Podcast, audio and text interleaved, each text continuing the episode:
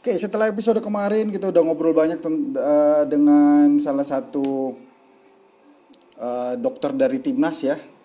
Ada dokter Dika. Eh, saya saya juga uh, rasanya belum puas juga ngobrol sama dokter Dika. Tapi malam ini kita punya spare yang cukup panjang. Teman-teman juga siapin pertanyaannya karena ada kita bakal uh, pilih dua pemenang uh, yang beruntung ya Tentunya dengan pertanyaan yang menarik bakal dipilih langsung oleh Mas Tomo sendiri ya. Oke, uh, teman-teman di yang lagi online nih saya pengen tahu dong kondisi di sana gimana. Iya, walaupun pandemi begini tentunya semangat ya semangat jangan kendor ya.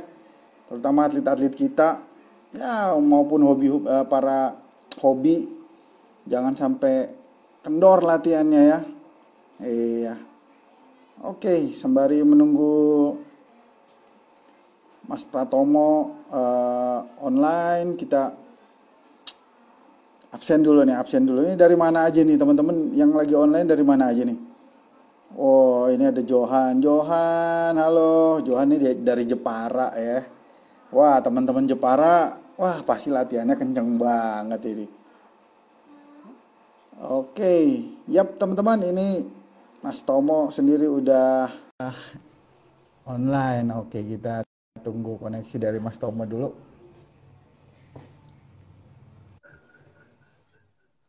Oh, halo, Om Jin. Waduh, ini lagi. Gimana nih? Ini uh, suaranya nggak dengung-dengung kan Om? Aman. Aman jaya ya, aman jaya. Aman. Oke, bentar gedein dulu headsetnya. Oke, digedein Pol. Aduh, Gimana nih kabarnya Mas Tom, Jakarta? Alhamdulillah Jakarta aman-aman aja. Aman, nggak ada kiriman banjir dari Bogor, dari Sukabumi, nggak ada ya? Jangan loh, jangan loh. jangan ya. iya, iya, iya. Udah udah ribet sama iya, corona, jangan tambahin banjir. Benar, benar, benar. Waduh, ya bertubi-tubi ya, terlalu bertubi-tubi iya, ya Mas iya. Tom. Ya.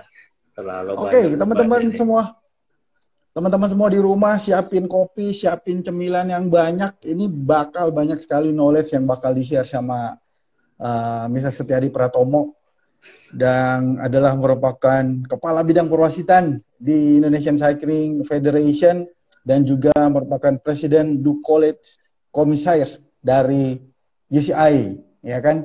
Itu tugasnya Mas Tomo di UCI sendiri apa tuh, Mas? Aduh, apa nih? ini out of konteks, cuman dia penasaran aja tuh. Presiden du college komisair komisir ya kan? Bukan sih sebenarnya itu apa namanya? Indonesia. Itu istilahnya apa? Sama seperti kalau bahasa Indonesia ya kepala wasit Indonesia gitu untuk di UCI-nya. Jadi apa oh. namanya? Kita itu bahasa Prancisnya sana tentang kepala wasit Indonesia, gitu aja. Oh, kepala wasit Indonesia ya. iya. Oke. Okay. Cuma okay, Indonesia Indonesia ini... nulisnya pakai bahasa Prancis, jadi kelihatannya agak keren gitu ya. iya. Sampai Jil aja bilang komiser aja komisair ya. Gue aja kadang-kadang beli okay. Jil. Mas Tom, oke okay, kita tema malam ini nih uh, memahami ke keamanan ketika uh, melakukan olahraga downhill dan tetap asik berolahraga di masa pandemi ini, Mas Tom. Jadi uh, Mas Tomo sendiri kesibukannya di Jakarta? Yo, alhamdulillah Gimana, masih masih main sepeda ya. Malah mungkin karena gara-gara corona nggak ada balapan, gue bisa main downhill lagi, Jil. Aduh, ya ya ya ya. Saya sempat sempat lihat Instagramnya Mas Tomo, story-nya, udah pakai jersey. Udah nggak udah nggak bisa terbang sih, gitu, tapi masih main. Iya, ngerol-ngerol mah tetap oke okay lah ya, Om ya. Masih lah, dikit, Yang penting adren, eh, keringat adrenalinnya masih bisa keluar ya, Mas Masih om, ya. ngalir lah, yang penting. Iya. Mas Tom, ini uh, ya saat pandemi gini, ini ada satu fenomena yang terjadi dan cukup cukup unik ya. Cukup unik dalam arti orang mau nggak mau harus memilih satu olahraga uh, de dengan backgroundnya gini nih tempat fitness tutup, nggak boleh ada keramaian, ya kan? Akhirnya olahraga sepeda ini menjadi satu fenomena ya kan? Dan yang di di di uh, mau pesepeda di jalan, mau pesepeda di hutan, banyak bermunculan juga Mas. Ini pandangan Mas Tomo sendiri gimana nih? Kalau saya sih, saya bahagia banget Mas. Orang mau bersepeda tuh saya bahagia banget. Benar, benar, benar. Gue pun juga ikut bahagia juga yang lihat sepeda sampai kita bilangnya spiking ya di bulan Juni, Juli gitu kan. Toko sepeda nggak ada yang punya stok gitu sampai habis diborong gitu kan. Dan kita lihat di jalan-jalan sama di hutan-hutan isinya manusia gitu. Karena udah pada bosen gitu kan tiga bulan empat bulan di rumah nggak ke mana-mana duit lebaran nggak bisa habis gitu. Jadi akhirnya pada beli sepeda tuh nah juga apa namanya uh, lonjakan ini juga harus uh, bukan diwaspadai ya tapi kita harus cermat juga. Namanya olahraga itu kan tujuan kita sehat. Jangan sampai tujuan ya. yang sehat tadi akhirnya ujung-ujungnya ke rumah sakit gitu. Nggak sesuai tujuan lagi kan nantinya. Nah kita juga harus benar-benar bisa ngatur lah. Jadi kalau kayak saya gitu ya baru uh, di musim corona ini malah intensitas bersepedanya yang malah meningkat gitu Om Jil sehingga juga akhirnya uh, kembali mengingat-ingat zaman dulu zaman waktu masih ikut UKDI gitu ya sebelum kita jadi IDH. nah itu ada sedikit uh, yang harus kita patuhi lah kalau sama corona kita punya protokol kesehatan gitu ya. Sama di di bersepeda itu juga ada protokol kesehatan dan keselamatannya juga. Kebetulan juga apa namanya saya di kampus ngajar um, mata kuliah K3L gitu ya. Dan selalu dalam mengajar pun juga uh, dihubungkan dengan dunia bersepeda. Jadi kita di IDH sendiri pun juga sangat apa namanya concern ya sama teman-teman yang mau balapan di IDH nggak nggak bisa sembarangan tuh datang-datang langsung seeding run, datang-datang langsung final run, nggak ada ceritanya kalau iya. di DH ya. iya. Baru, karena baru datang uh, pokoknya lu mesti latihan dulu lalu track walk dulu deh gitu kan istilahnya. Nah ini kurang lebih sama Om Jel. Kita kalau sepedaan ya mesti tahu dulu kita sepedaannya apa sih? Mau yang santai-santai, laser gitu ya, atau mau sedikit uh, apa namanya cross country belusukan gitu atau mau yang apa namanya adrenalin rushnya lebih tinggi gitu kan kayak enduro ataupun downhill. Nah ini juga teman-teman harus benar-benar bisa memilih dari jenis bersepedanya pun juga nanti disesuaikan sama uh, pertama kondisi badan. Jadi kondisi badan kita tuh harus benar-benar fit gitu ya benar-benar fit, benar-benar secara mental siap gitu kan. Jangan sampai nanti uh, udah lama nggak bersepeda tiba-tiba bersepeda kagok, kagok gitu ya, kaget. Karena pengalaman uh, di gue sendiri gitu Jil uh, dari ganti sepeda dari ban 26 ke ban 29 aja itu rasanya kagok gitu gue kayak beriang sirkus gitu ini sepeda gede banget bannya tinggi banget lagi gitu kan ketika di jalan raya biasa aja ini kok kayaknya susah gitu. Nah, apalagi orang-orang yang benar-benar awam banget sama sepeda gitu. Baru seumur-umur misalnya bersepeda di jalan raya ya pas pandemi ini gitu karena uh, ngikutin tren gitu, ikut teman-temannya. Ini yang harus harus diperhatikan bahwa memang mental kita udah siap belum untuk bersepeda di jalan raya misalnya. Misalnya bersepeda belusukan di kampung misalnya karena belusukan di, di kampung itu nggak semudah yang kita lihat juga. Nggak semua penduduk kampung itu welcome sama kita. Kadang-kadang ada gertakan bacok-bacok bambunya agak iya. kenceng gitu kan. Teriak-teriak manggil kambingnya kenceng, kita kaget gitu kan. Nah ini ini yang mesti di, disiapkan dulu. Kemudian kalau kita bersepeda di bike park yang rame banget ya di di Indonesia ini kayak udah udah kayak franchise deh, udah kayak beli Tahiti di mana-mana ada, Abai Park sekarang di mana-mana ada gitu kan. Nah ini juga harus disiapkan. Apakah kita siap untuk memacu sepeda dalam keadaan kecepatan tinggi misalnya? Ini kan perlu persiapan dari diri kita. Mentalnya tuh ada apa enggak gitu? jangan sampai udah masuk ke apa medannya grogi semua gitu kan. Apa namanya kaget lah kok begini? gitu. Kok kenceng? Kok jamnya tinggi? Kok dropnya tinggi? gitu. Kayaknya dulu nggak begini. Nah itu kejadian di gue juga Jil sebenarnya. Gue main ke Cikola kok ini tinggi banget sih jempingan padahal ya dulu ya fotonya masih ada gitu kita terbang-terbang. Tapi sekarang udah wah emang apa ya mental tuh uh, bukan bukan apa namanya bukan tabungan yang sewaktu-waktu bisa ditarik gitu ya, tapi ya harus dipupuk gitu. Gitu Om Jil. Iya. Wow. Jadi mau di mana pun mental dan fisik ya, ya terutama ya. ya kalau saya sih lebih ke fisik karena udah lama nggak sepedaan kemarin tiba-tiba sepedaan dan ganti ke ban 20 jadi waduh kok ringan-ringan aja nih Jil Terus, lu nggak cocok Jil ban uh, 20 Jil lu ban 29 kayak gue Jil punyanya 26 mas. Udah gitu, oh, gitu udah, ya? udah wah gini gini doang. Ah udah coba 26 lagi. Wah gitu ya? rasanya ya? beda lagi penyesuaian lagi bener. Uh, berarti mental dan fisik memang harus harus benar-benar ya, itu yang pertama. ya, itu yang pertama sebenarnya.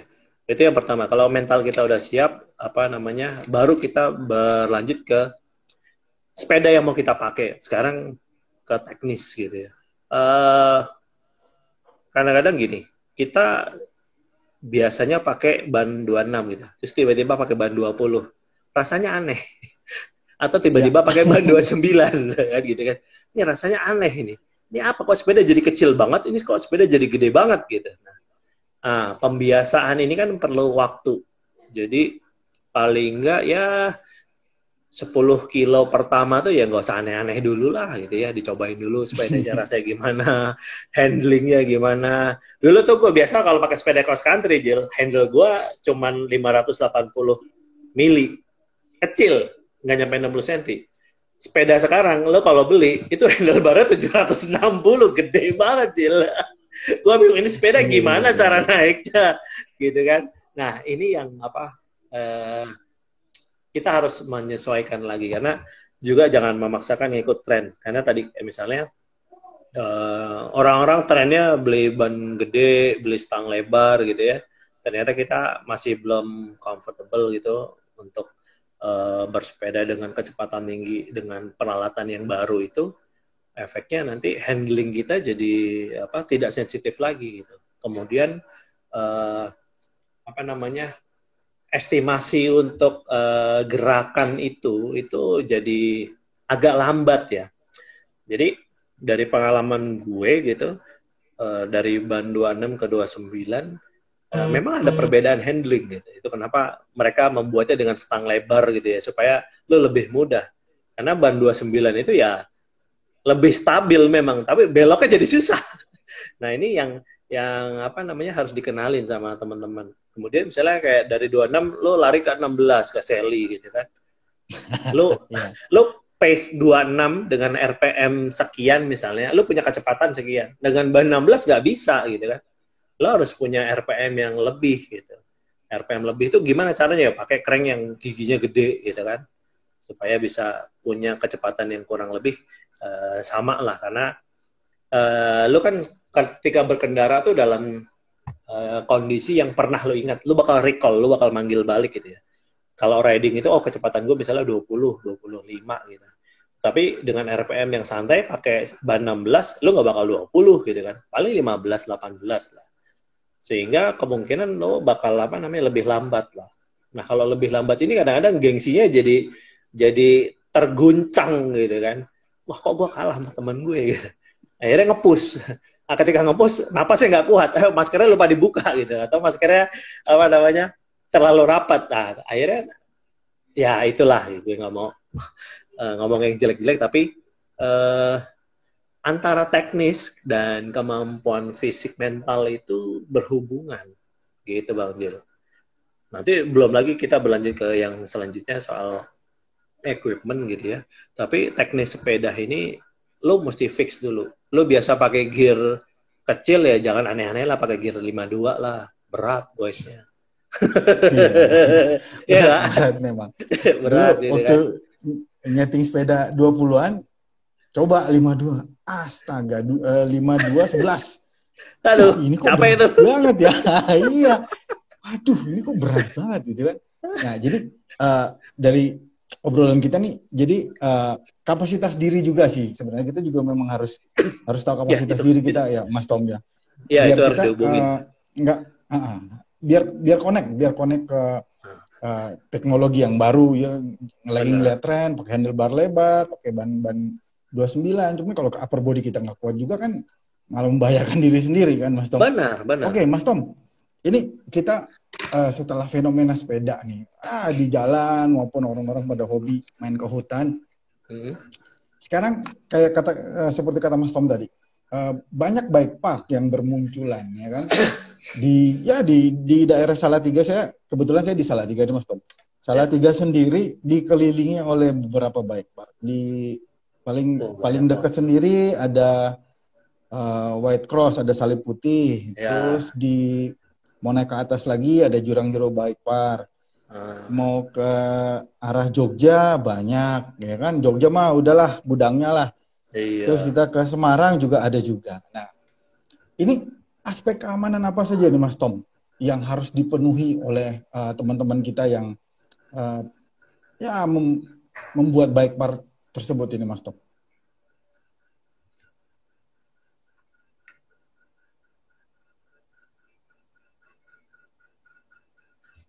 Ya, jadi buat teman-teman yang apa namanya uh, memulai uh, bike park gitu ya, membuat bike park, uh, kita harus apresiasi gitu. Tapi jangan lupa, jangan sampai ya. kita uh, melupakan persiapan untuk uh, menjalankan bike park itu karena ini pengalaman saya juga dulu waktu uh, 2000 10 11 gitu ya ikut bantu-bantu teman-teman JDC di Sebex gitu ya menjalankan bike park uh, Sebex. Mm -hmm.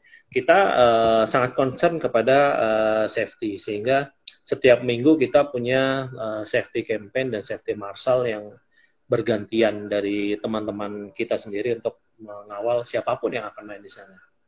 Jadi yang paling penting adalah uh, di bike park itu kita harus punya identifikasi dulu baik park kita itu kategorinya yang kayak apa gitu kan apakah dia untuk level pemula apakah untuk orang-orang yang sudah punya kemampuan uh, di atas pemula atau intermediate gitu atau memang khusus untuk teman-teman yang sudah expert gitu ya. Expert ini kita tidak bicara atlet, tapi orang-orang yang sudah uh, hobi tapi punya kemampuan teknis yang sangat baik dan mampu bersepeda dengan kecepatan tinggi. Dan ini uh, bike park itu sulit untuk membuat satu bike park melayani semua gitu ya.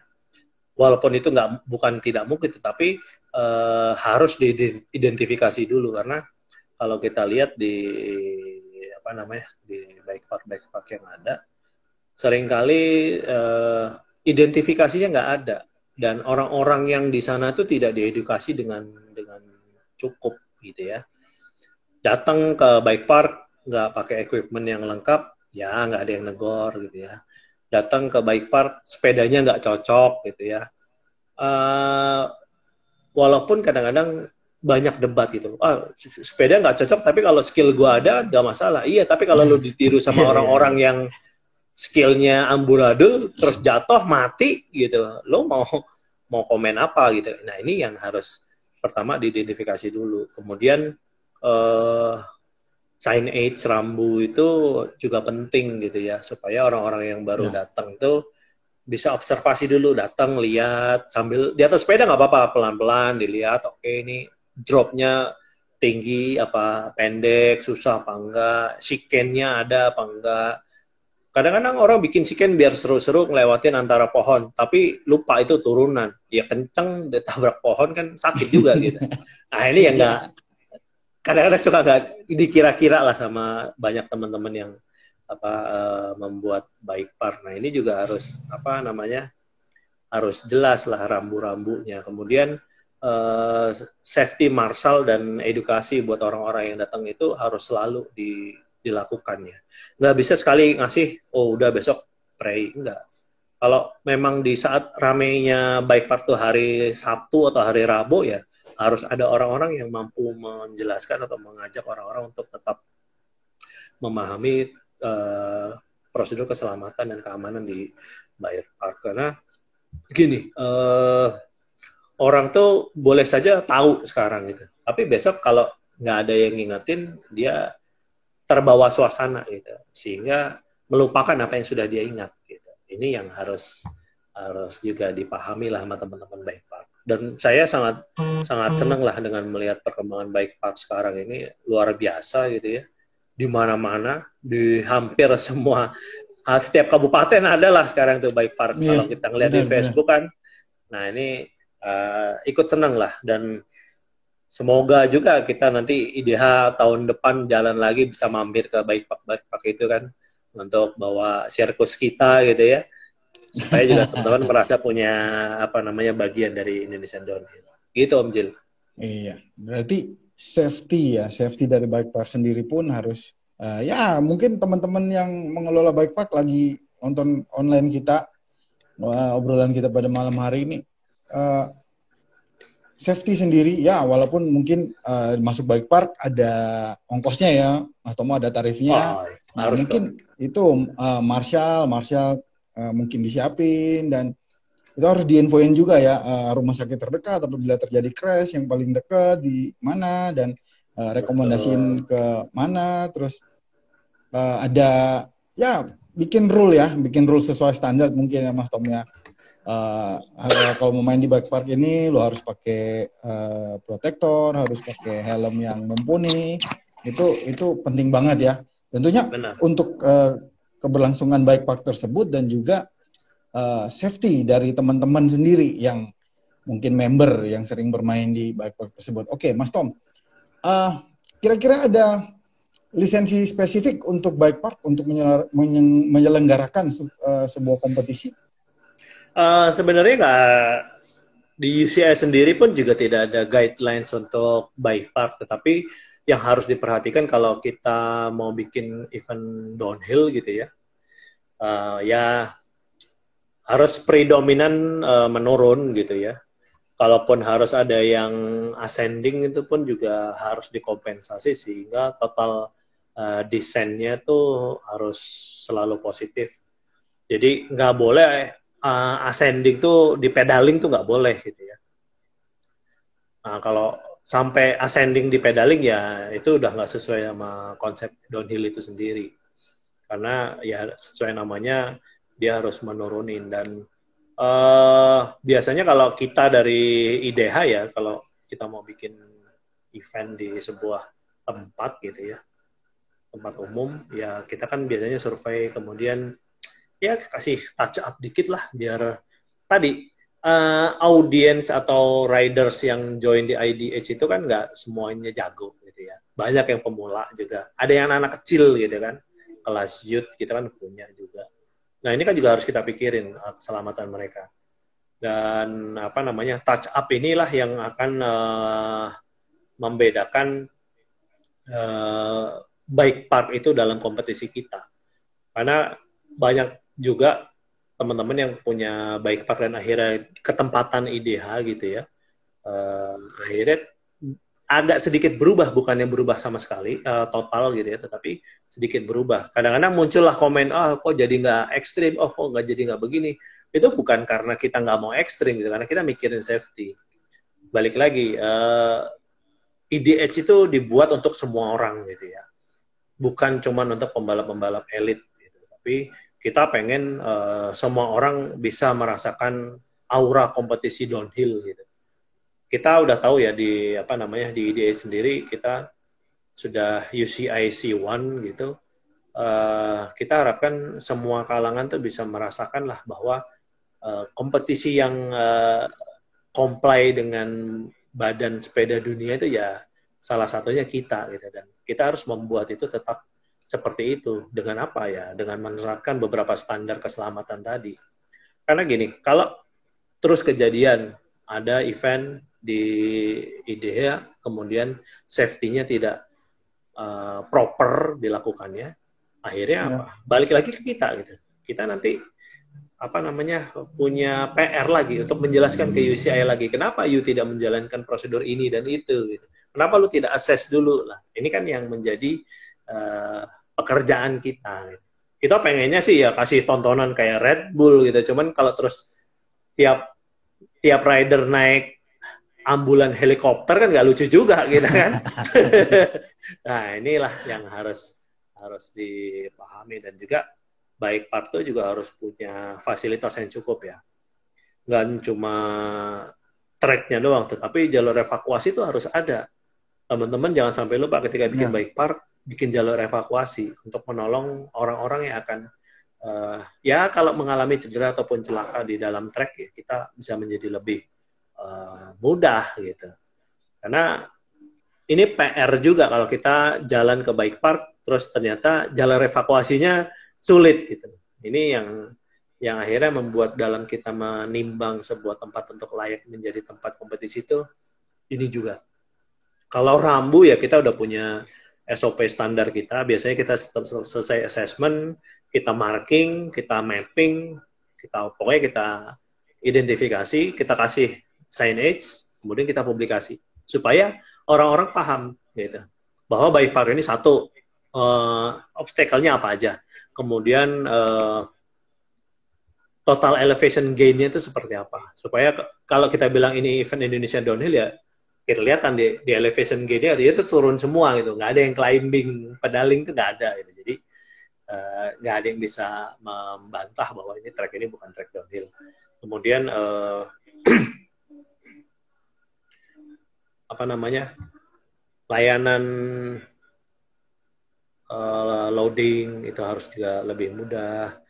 Ya idealnya kalau kita main downhill 2-3 menit, loading kita nggak lebih dari 15 menit lah.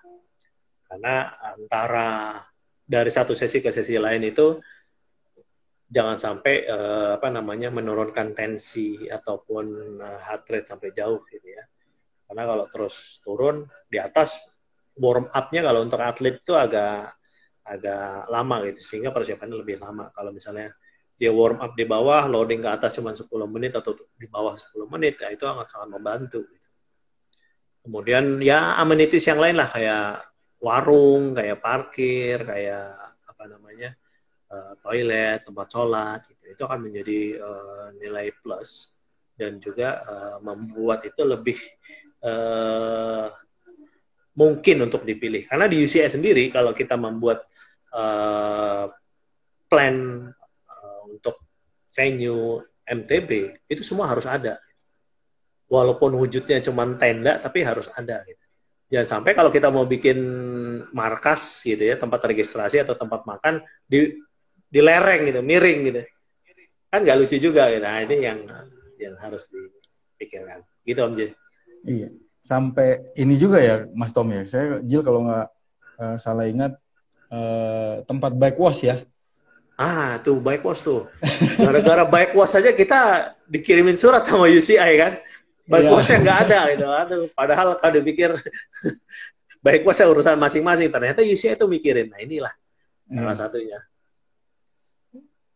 Nah, itu teman-teman yang lagi live mungkin bisa dengerin itu sedikit clue ya, clue. Ah, beberapa syarat yang memang benar-benar pihak penyelenggara harus mikirin demi uh, kelancaran sebuah balapan gitu kan di satu bike park. Oke, okay, Mas Tom, ini kita sempat uh, nyebarin kuesioner juga uh, di Instagram, di Instagram Stories kita. Ternyata para hobi MTB itu ataupun downhill sendiri uh, cukup banyak ya. Dan uh, dari Mas Tom sendiri, apa aspek safety dasar yang harus diperhatikan nih untuk teman-teman? Saya nggak mau nggak mau ngomong pemula, saya beranggapan semua tahu. Tapi Rata, gitu ya. nah, kita semua udah gede uh, teman kita harus tahu sendiri ya kan apa yang uh, menjadi kebutuhan buat kita. Dari Mas Tom sendiri uh, aspek safety dasar yang harus diperhatikan oleh teman-teman sendiri apa? Nah kalau kita mau main downhill tuh yang harus benar-benar diperhatikan adalah uh, helm. Karena teman-teman tuh merasa udah merasa udah skillnya bagus gitu ya kemudian fisiknya bagus, pakai helmnya seadanya, pakai helm separuh gitu ya. ya, sekarang lagi jadi, lagi tren helm helm enduro ya Mas Tom. Nah itu helm enduro. Padahal uh, kalau kita bilang speednya dia itu cukup cukup tinggi gitu ya di lintasan menurun dan juga kadang-kadang uh, stiffness atau kecurangan kecuraman uh, jalurnya pun juga sangat sangat curam di atasnya stiffnessnya yang umumnya enduro gitu. Tapi pakai helmnya separoh. Gitu. Nah ini yang harus harus juga disadarin lah teman-teman. Saya paham lah bahwa teman-teman itu jago-jago gitu, saya paham. Tapi ya saya akan menjadi uh, bersedih hati kalau mendengar kabar teman-teman celaka gara-gara pakai helm separoh. Jadi kalau memang mau main kecepatannya tinggi, ya pakai helm full face. Sekarang helm full face yang enteng, anginnya kenceng gitu banyak gitu ya. Harganya gue udah nggak udah nggak lima juta lagi, udah cuma tiga setengah juta gitu, udah murah harganya. Jadi apa namanya nggak ada alasan lah untuk pakai helm yang sepotong-sepotong. Dan juga kalau misalnya uh, kan kita main dalam rangka rekreasi gitu ya, bukan lomba. Kalau di lomba jelas artikelnya harus pakai helm one piece. Tapi kalau kita rekreasi ya pakai helm two piece nggak apa-apa juga gitu.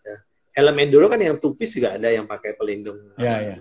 Bisa bisa dicopot ya, gitu ya Mas Tom ya. Ya bisa dicopot. Ah itu dipakai lah kalau lagi main jangan terus keenakan gitu ya pakai helm sepotong. Jujur kalau saya ngelihat uh, beberapa belakangan tuh ada kecelakaan gitu akibat pakai helm yang seadanya gitu ya. Sedih gitu. Bukannya bukannya kita mau melawan takdir tapi uh, bisa diminimalisir lah. Cedera akibat benturan wajah itu bisa diminimalisir. Jadi kalau mau pakai helm separoh ya mainnya ya biasa-biasa aja lah cross country gitu ya. ya. Belusukan, jangan belusukan. Jangan terlalu kenceng gitu ya. Kemudian uh, apa namanya? Ketika lagi main tuh hype-nya beda karena sama teman-teman gitu kan. Pengen kadang-kadang bukan pengen pamer sih tapi kebawa suasana lah saya bilangnya. Kebawa suasana sehingga apa namanya kita lose control. Nah, ketika lose control tuh celakanya tuh aneh-aneh gitu ya. Karena kita dalam keadaan tidak awas gitu. Nah, kalau bisa sih ya yang punya budget lebih ya pakai elbow atau pakai geni gitu ya. Kadang-kadang banyak orang nggak nyaman. Tapi ya mau nggak mau ini bukan bukan olahraga yang seperti renang bahayanya sedikit gitu, tapi high impact gitu. Downhill itu high impact sehingga kalau celaka ya tingkat cederanya sangat tinggi gitu.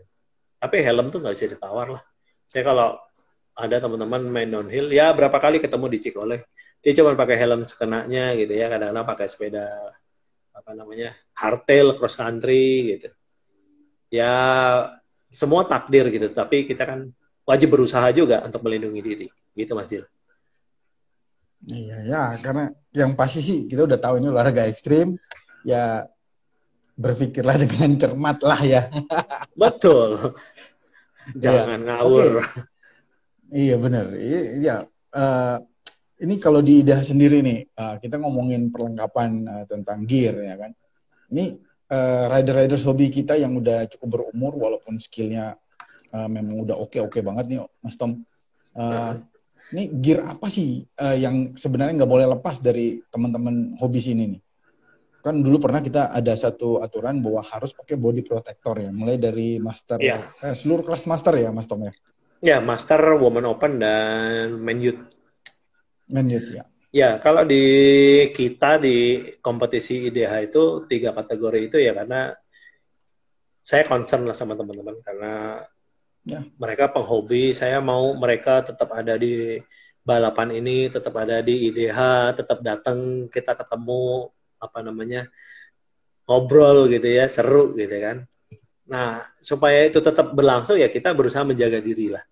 Nah kalau mereka nggak mau menjaga diri mereka saya yang jagain caranya ya saya saya wajibin pakai apa namanya perlindungan nah sebenarnya ketika lagi main uh, di luar kompetisi pun juga uh, ada bukan ada baiknya memang lebih baik ya pakai baju itu karena uh, pengalaman dari beberapa cerita ada teman-teman yang sampai jatuh gitu kemudian cedera di satu bike park di Jawa Barat gitu ya.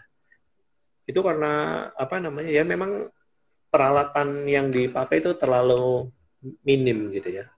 Satu itu, kedua uh, evakuasinya susah, nggak ada jalur evakuasinya. Nah ini kan uh, kombinasinya makin meningkatkan fatality-nya dari cedera itu. Udah perlindungannya minim, evakuasinya lama. Evakuasinya lama. Ya itu akhirnya fatality-nya makin makin tinggi. nah ini yang kolaborasi uh, yang berat banget itu ya mas. Nah itu ibaratnya kayak corona sama punya penyakit bawaan lah gitu kan ujung-ujungnya ya. ya makin parah. Nah ini mirip gitu ya. Jadi kalau kita uh, kira-kira mainnya agak jauh jauh dari perkampungan, kemudian evakuasinya susah, ya kita bersiap-siap untuk memakai equipment safety yang lengkap. Gitu. Jangan sampai nanti kita lagi main cederanya parah dan sulit ditangani gitu kan. Kalau pakai equipment paling nggak kan impact-nya tuh diabsorb lah sama equipment-nya gitu ya.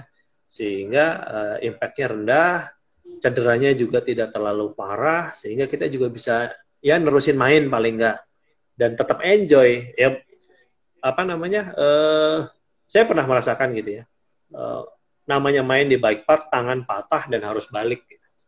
nah itu itu nggak enak gitu rasanya. Apalagi kalau harus uh, ditandu sama teman-temannya. Jadi itu yang yang yang kita hindarin lah, jangan sampai. Gitu Om Jil. Iya. Jadi ya pemilihan equipment pun penting banget ya teman-teman. Wah itu saya saya juga pernah rasain sih walaupun cuma main di salah tiga pernah jatuh. Setelah jatuh sih uh, everything is gonna be alright. Wah nggak apa-apa. Tangan, kaki, ya yeah, pas pulang kok jadi sakit semua ya. Nah, itu dia. Paling biru-biru kan. baru, iya, baru ketahuan setelah, waduh, sakit semua. Eh. Oke. Okay. Uh, eh, uh, dari Mas Tomo sendiri, tapi kalau sini sih pertanyaan ini saya udah yakin sih Mas Tomo pasti lebih lebih ke ini dari kelayakan helm nih Mas Tom. Half face atau full face tetap full face ya Mas Tom ya. Walaupun kalau main downhill ya. Mm-hmm. Kalau main downhill iya ya. Kalau cross country, half face pun nggak masalah ya Mas, Mas Tom ya. Ya kalau cross country kan uh, gue juga main cross country gitu ya masih se ya terukur lah paling belusukan kenceng ya? belusukan. ya belusukan ya. yang paling gampang dan murah kalau kalau kita main belusukan tuh ya uh, juga kan muka kita kelihatan juga kita bisa apa namanya bisa tegur sapa sama warga yang kita lewatin gitu ya. Jadi kita punya komunikasi yang baik sama warga sehingga nggak digalakin tuh. Jadi mukul bendoknya di bambu nggak kenceng-kenceng. Pagernya nggak di nggak ditarik tuh goloknya di pagar nggak. Kita negor. Tapi kalau kita main downhill ya saya sih nggak mau nawar sama diri saya sendiri terutama saya nggak mau nawar. Saya masih apa namanya pakai helm full face, masih pakai knee pad di dalam walaupun pakai celana panjang.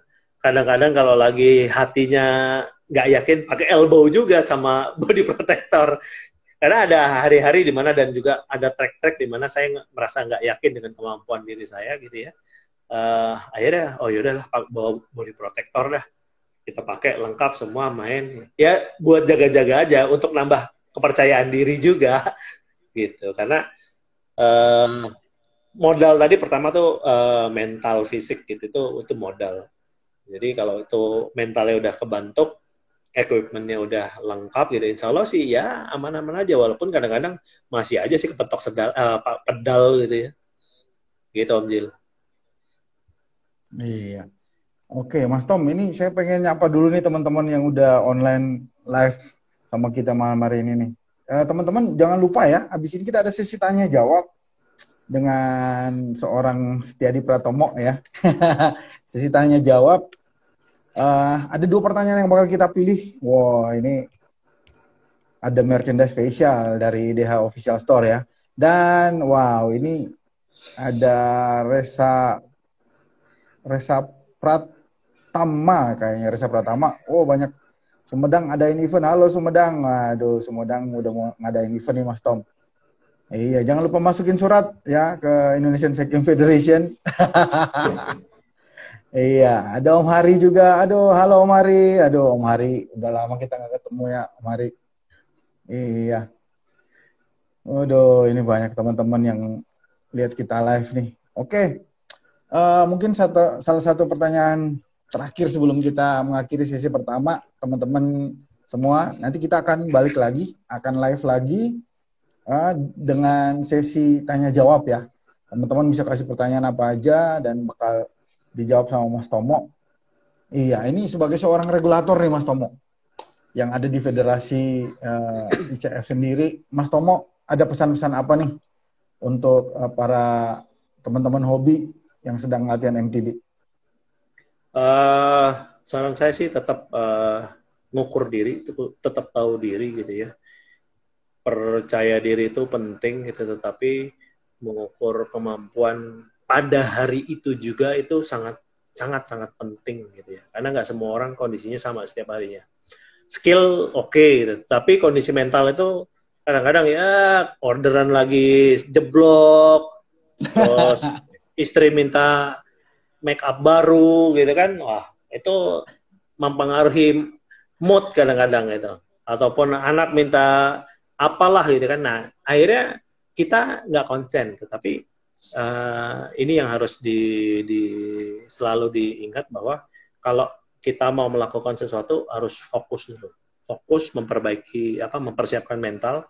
Mau main road ya main road, siap jalan 40 km per jam, konstan selama dua jam misalnya, harus siap di gigi 52 terus, 52 11, 52 13 itu.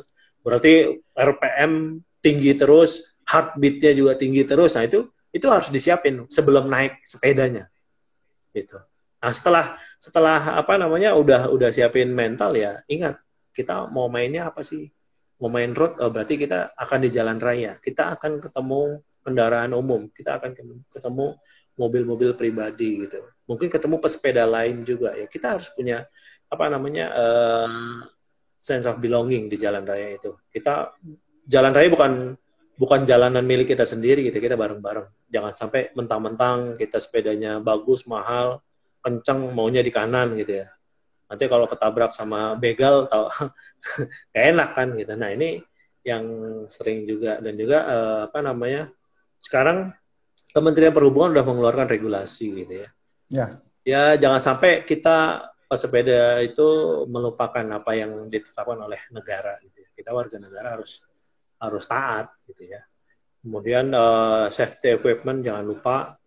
Paling penting itu adalah pakai helm. Kemudian yang kedua kalau buat saya pakai kacamata. Karena sering kelilipan Om Jil.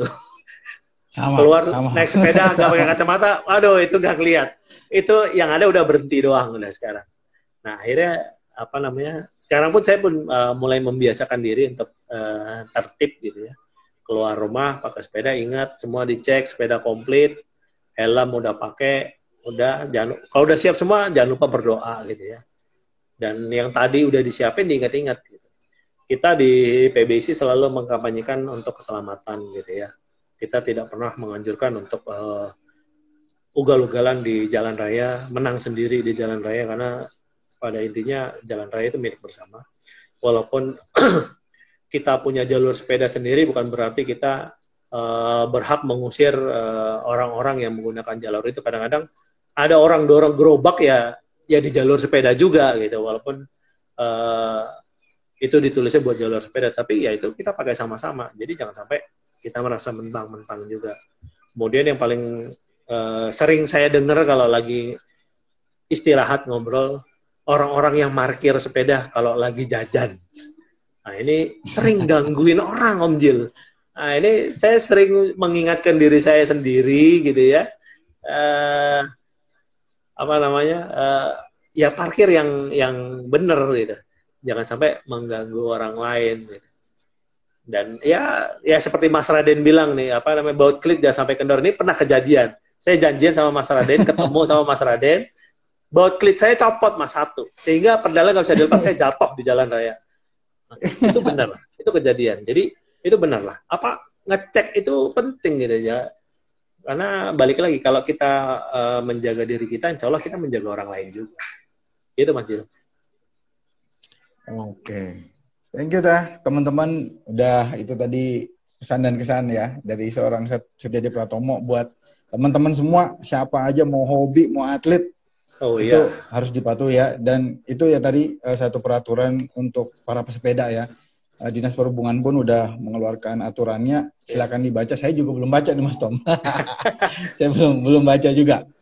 Iya, iya. oke okay, thank you. Jangan ke mana-mana teman-teman karena uh, setelah, sebentar lagi kita akan balik lagi untuk sesi tanya jawab nih. Mas Tomo siapin kopi dulu kalau okay. kalau nanti kering kita ngopi dulu ya. Oke. Okay? Ini udah siapin cemilan nih. Wah, mantap jaya, mantap jaya. Oke, okay, teman-teman di rumah, uh, saksikan lagi live kita berikut ini untuk sesi tanya jawab. Don't go anywhere and we'll be right back. Oke. Okay.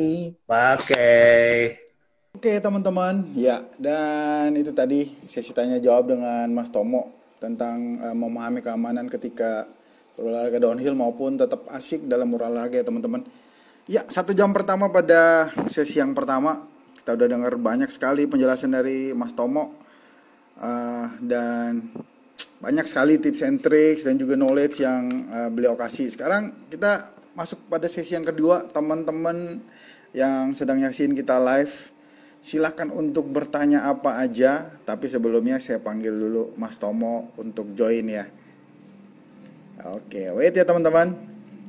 Wow, ini udah dari mana-mana Wow, ada teman-teman udah pada pada join semua. Iya.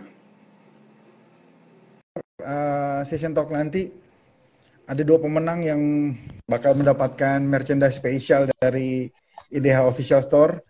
Iya, halo Mas Tom. Iya, kita kembali halo, lagi Mas Tom. Iya, cemilannya udah di cemilannya udah, oh, siap, udah. minumnya udah siap. iya iya iya. Wah, ini teman-teman dari Surabaya, walah Surabaya, iya bukan Surabaya. Mas Iror Latoya, iya. Silakan teman-teman kasih pertanyaan apa aja yang berkaitan dengan tema kita pada hari ini tentang uh, memahami keamanan ketika berolahraga downhill dan tetap asik berolahraga. Dua pertanyaan terbaik bakal kita pilih ya. Bakal saya maunya langsung Mas Tomo aja yang milih dua pertanyaan terbaik. Bakal kita pilih dan itu uh, akan mendapatkan dua merchandise spesial dari IDH Official Store ya. Mantap. Iya, ini topi saya ini wah kece banget nih. Waduh, kece terus tis nih ini. ya, silakan kepoin aja lah, kepoin aja lah. Saya masih dari, pakai kaos yang lama uh, nih Om Jil nih. Oh, nah. ya, ya, ya, ya.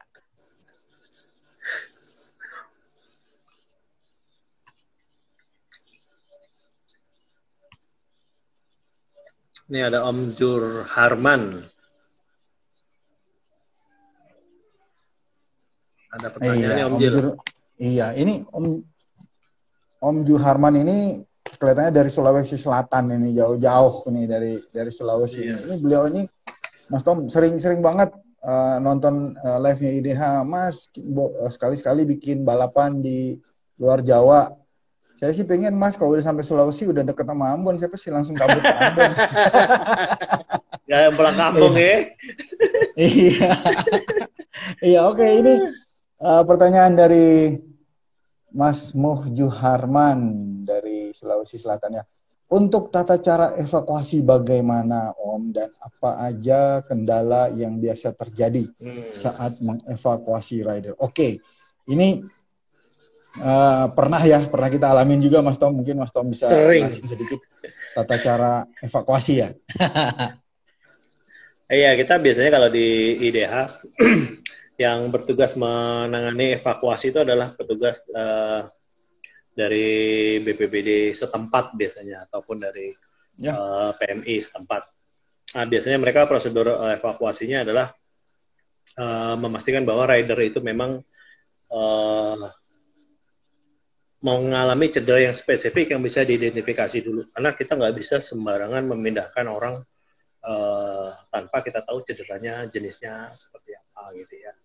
Apa tingkat uh, parahnya itu seperti apa. Nah ini identifikasi awal itu harus harus jelas dulu. Dan biasanya kita kalau ada orang-orang yang geletak nggak bangun di track ya udah kita stop aja balapannya kan. Kita stop balapannya. Ya. Kalau di belakang ada apa namanya uh, back marker kita yang terhalang itu kita suruh restart dan kita fokus sama yang uh, dievakuasi. Nah dalam proses evakuasi ini juga sebisa mungkin uh, memastikan bahwa ridernya ini bisa berkomunikasi gitu ya dan apa namanya equipment yang digunakan juga harus tepat karena banyak cedera yang bertambah parah karena equipment yang uh, tidak sesuai gitu ya. nah kemudian uh, setelah dia bisa diidentifikasi dan kita bisa naikkan ke stretcher ya ya mau nggak mau kita harus segera membawanya ke, ke rumah sakit. Nah ini tantangan yang paling berat kalau kita lagi bikin balapan. Membawa rider dari track sampai ke titik ambulan terdekat itu, sering kali itu tidak mudah ya Om Jil. Nah, Om ya. Joharman juga mungkin mengelola bike park di Malino gitu ya. Nah, harus memperhatikan juga. Jadi jarak jalur evakuasi dari antar titik itu jangan sampai terlalu jauh. Jadi eh, kita harus analisa dulu track kita itu yang kira-kira aksesnya susah itu titiknya mana saja. Kemudian kalau dia harus uh, climb back gitu ya, naik ke atas itu apakah kita sudah menyiapkan tangga atau enggak? Karena menggotong orang untuk melewati apa namanya uh, jalur sepeda itu tidak mudah apalagi kalau licin. Kemudian uh, equipment untuk menarik orang gitu ya katrol gitu apakah kita bersedia apa enggak. Karena kita harus tahu tadi kalau trek kita susah ya ya kita harus punya katrol gitu ya. Kita harus punya hoist untuk menarik karena uh, orang ini kan tidak bisa diseret-seret tanpa stretchernya. Nah kita kita bawa orangnya itu bersama stretcher dan sering kali uh, menyulitkan ya di di trek itu menyulitkan. Pengalaman kita ya kita harus benar-benar bisa menempatkan evacuation point itu dekat dengan daerah-daerah yang kritis. Misalnya big gap jump gitu ya, di mana orang sering jatuh ya, maka titik evakuasinya jangan jauh-jauh dari situ gitu, supaya kita bisa deploy si petugas evakuasi itu secara cepat kalau misalnya ada kecelakaan di daerah itu, kemudian menarik dia keluar. Kemudian eh, ambulan itu selalu standby. Jadi si petugas ambulan itu selalu kita warning uh, memastikan bahwa memang mobilnya itu layak untuk jalan gitu ya, bisa untuk beroperasi karena uh, jangan sampai pada saat mau dipakai malah terus stall. Kemudian juga harus tahu situasinya. Markir itu nggak bisa sembarangan, nggak bisa main masukin ke dalam lintasan gitu ya itu ambulan dipaksa masuk ke dalam trek misalnya ke tanah tiba-tiba nggak bisa keluar karena bannya selip gitu. APR lagi kan? Nah ini eh, teknik-teknik ini yang harus juga di apa namanya bukan dipelajari tapi di exercise ya dilatih kalau saya bilang. Jadi kita harus latih kita harus apa namanya ulang lagi ulang lagi karena uh, ini kan semuanya protokol gitu ya prosedur. Jadi mau nanganin orang cedera di mana aja ya prosedurnya begitu tetap gitu nggak akan berubah. Dan juga ya kalau memang kita mau buat event, ya kita jangan jangan pelit lah. Ambulannya kita banyakin gitu ya. Apalagi kalau ridernya banyak. Rasio kita sih uh, kalau di IDH kita punya tiga ambulan uh, standby gitu ya. Ketika satu ambulan harus evakuasi ke rumah sakit gitu ya, maka ada dua ambulan. Dan juga uh, jarak dari rumah sakit ke venue itu tidak bisa lebih dari satu jam. Gitu. Kalaupun harus lebih dari satu jam, maka uh, kita harus punya ambulans satu lagi untuk memenuhi kebutuhan minimum kita. Uh, ini kadang-kadang nggak bisa ditawar gitu ya, dan ini juga yang membuat kita memberikan uh, layanan yang terbaik kita bahwa um, minimum es, es, uh, apa namanya essential number dari ambulans itu selalu kita berusaha penuhi. Nah juga teman-teman yang memang sering bikin event ya tolonglah ini yang yang harus di, diperhatikan. Ya kita pengen sama-sama baik gitu ya. Maka ya biayanya pun juga pasti ada yang harus dikeluarkan. Jadi jangan sampai dengan alasan nggak ada budget, ambulannya seadanya gitu ya. Kadang-kadang nggak ada ambulan, sehingga ketika terjadi sesuatu pakai mobil pribadi, pada saat evakuasi tidak pakai stretcher ataupun uh, tandu yang uh, firm gitu ya, sehingga menambah cedera yang tambah parah gitu ya. Dan itu kita kita hindarilah yang kayak gitu-gitu. Gitu Om. Iya, itu yang tadi Mas Tom jelasin uh, jelasin panjang lebar itu itu merupakan uh, satu regulasi juga Mas Tom ya dari UCI atau uh, Indonesian Cycling Federation Mas Tom? Jadi kalau kita di Indonesian Cycling Federation di peraturan perlombaan hmm. uh, kita ada persyaratan bahwa dalam sebuah event mampu mengcover kebutuhan untuk evakuasi. Memang tidak disebutkan jumlahnya, tetapi yang harus dipahami adalah uh, rasional di sini ketika mengevakuasi maka ada ambulan lain yang standby gitu. Jangan cuma satu ketika oh. dia mengevakuasi tidak ada ambulan yang standby, ketika ada yang cedera lagi repot gitu ya. Nah itu kenapa kita tidak bisa lebih dari satu jam ke rumah sakit karena uh, kita pernah kejadian di Sermo gitu ya 2013 hari Kamis latihan 13 orang jatuh di di hari Kamis gitu karena memang trek itu luar biasa ekstrimnya gitu Om Jil ya sehingga uh, ambulan ini ya alhamdulillah waktu itu ambulannya ke rumah sakit jaraknya nggak terlalu jauh 20 menit. Sehingga uh, pergantian shifting antara ambulan itu tidak terlalu lama ya, ya apa namanya uh, kita selalu berdoa yang terbaik tetapi juga kita harus bersiap-siap untuk yang terburuk juga. Tidak Om Oke, itu uh, sedikit penjelasan dari Mas Tom ya. Oke, Mas Tom, ini ada satu pertanyaan lagi dari Noe Prasetya. Cara membuat jalur evakuasi gimana, Mas? Ah, nah ini caranya ini. Ini nih. Nah tadi saya bilang uh, jalur evakuasi itu sebisa mungkin jalannya landai. Uh, kalaupun harus menurun itu juga tidak terlalu curam tetapi kita sangat menghindari untuk membawa ke atas. Karena peluang cedera tambahan itu akan menjadi lebih besar ketika kita bawa ke atas dan uh, terjadi kelelahan dari yang membawa. Capek, meleset gitu ya. Akhirnya jatuh yeah. lagi tuh orang gitu kan. Nah, ini yang yang yang harus dihindari. Kemudian cari jalur yang paling dekat jadi kalau di IDH sendiri ketika kita merancang uh, jalur balapan, kita pun mepet-mepet sama jalan loading. Karena apa? Ya itu tadi, kalau mau evakuasi orang ya kan harus pakai ambulan. Nah kalau jauh dari jalur loadingnya, eh, gimana ceritanya mau evakuasi kan susah. Nah inilah, jadi kita pilih jalur pun juga yang mepet jalan aja. Jadi orang berhenti nonton naik motor sama anak-anak istrinya gitu kan sambil duduk di atas motor masih bisa gitu. Dan ambulan kita juga bisa parkir pinggir jalan gitu. Kalaupun ada apa-apa ya kita masih bisa standby dan apa namanya mobilisasinya jadi lebih baik lah. Kita pernah punya kesulitan di apa namanya uh, aduh trek kita di Kudus Ternadi gitu ya. Ternadi. Kita uh, waktu itu kebingungan ambulan kita harus taruh di pinggir jalan gitu ya akhirnya sampai kita keruk tebingnya untuk parkir mobil ambulan gitu ya. Sampai sebegitunya karena uh, kita sangat memikirkan safety dari para rider ini. Dan selalu kita uh, protokol kita uh, separuh ke atas misalnya kita taruh dua ambulan biasanya di dekat start sama di intermediate gitu ya. Itu ada ambulan kita dan uh, yang di atas itu selalu menghadap ke bawah mobilnya gitu ya. Dan yang di tengah itu selalu menghadap ke jalan. Supaya kalau dia harus gerak ke bawah ke kiri itu dia cepat dan ke kanan juga cepat. Nah, itu itu yang juga dia harus dieksersis gitu harus dianalisa.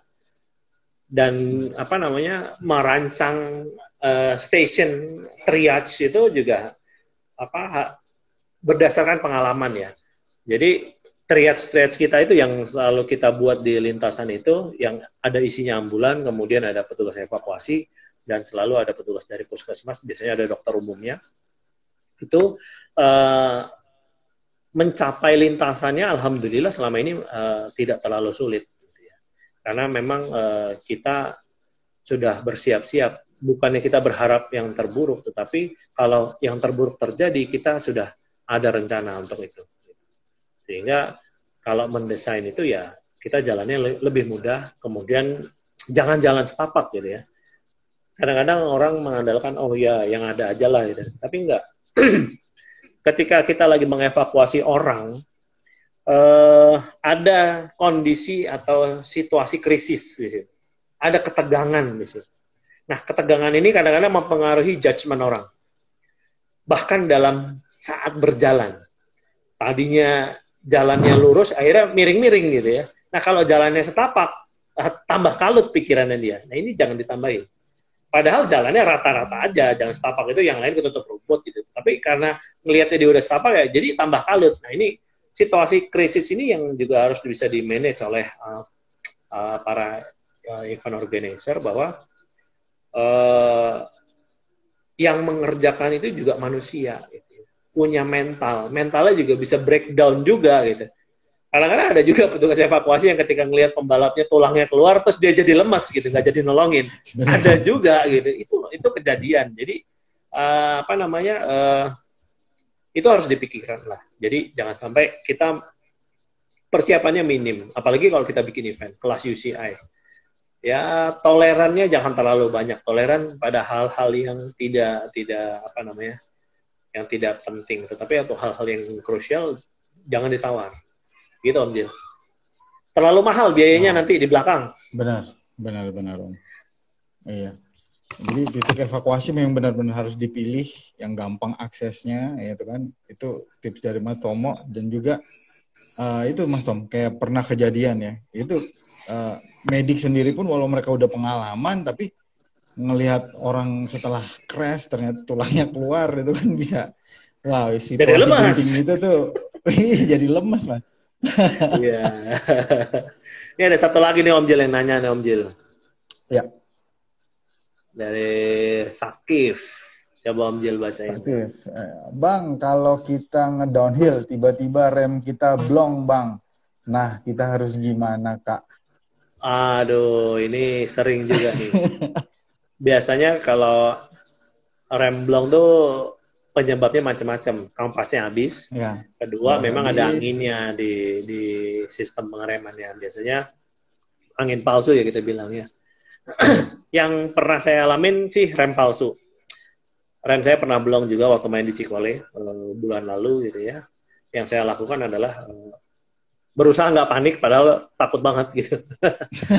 Takut, takut banget. Dan uh, memberi waktu se ya sekian detik lah apa namanya untuk rem itu mendinginkan sistemnya. Dan kita coba rem lagi.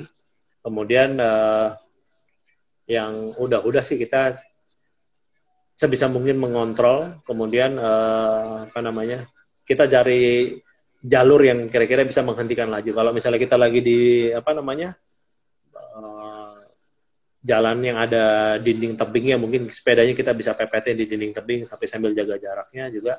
Memang kalau udah nggak bisa diapa-apain ya di, dilepas aja dibuang sepedanya gitu. Sambil sambil cari tempat untuk mendarat yang bagus. Karena teknik jatuh itu juga ternyata ada tekniknya supaya kita tidak cederanya terlalu parah gitu ya. Iya. Apa namanya? Uh, itu harus harus dipelajarin. Ya, accident itu penyebabnya banyak. Remblong ini paling bukan paling tapi uh, cukup dominan penyebab cedera di bersepeda tuh cukup dominan sehingga uh, memang harus kita waspada. Makanya waktu mau berangkat tuh harus tes dulu. Sepeda tuh udah bener apa enggak. Kemudian pada saat running pertama 100 kalau main downhill ya 100 meter pertama lah itu yang paling kritis remnya dicoba aja terus rem sampai habis kalau masih jalan berarti remnya nggak apa-apa gitu ya tapi kalau baru 100 meter pertama ngerem habis remnya udah ngempos gitu ya itu udah ketahuan nggak usah diterusin mainnya kita udah tahu remnya masalah Gitu Om Jil. Iya. Paling nggak harus diservis dulu lah ya sebelum sebelum mainan lah. iya. saya juga pernah pas itu. touring pas touring habis kampas mainan sama satu rem ya pulang lah. Kadang-kadang kalau rem pada... rem habis tuh masih masih masih ada penolongnya teman kita bawa kampas rem masih ada tuh tapi kalau udah blong ah, itu nggak ada obatnya tuh kalau udah nggak mau ya rem palsu ya terutama rem hidrolik itu kalau udah ngeblong nggak mau ngerem nah itu udah nggak ada obatnya karena iya. iya. udahlah gue lempar aja tuh sepedanya oke kita uh, teman-teman yang masih pengen tanya-tanya sama Mas Tomo silakan uh, ketik pertanyaannya ya iya ini ada pertanyaan Mas uh, rider downhill yang paling tua umur berapa? Wah, ini dia. Mainnya di umur. Di nih? Kalau di masih, di di DH ya di kita DH pasti Om. Di DH ya kita ada Popo ya, Popo paling tua kalau pembalap elit. Tapi kalau pembalap master ya ada hmm. Mbah Nolik, ada Pambeng gitu ya. Kangen iya, juga saya ngikutin mereka-mereka ini saya kangen jadinya nih. Iya, lima puluh plus ya Om ya. Iya gitu ya ada Pak Harda gitu, ada Mas Didi Arifin gitu itu apa om-om gaik-gaik itu yang yang sering Wah. meramaikan event kita dan apa namanya sering bikin repot saya tuh. Kalau start maunya rapi. ya, iya. tapi menyenangkan lah punya teman-teman yang peduli sama sama event kita itu ya. Iya, itu oh. pertanyaan dari Sofyan Afri. Ya, umur rider downhill paling tua berapa Om? Ya, di kelas hobi sendiri kita punya ada yang 50 plus, terus yang di kelas elit yang paling tua Mas Popo ya.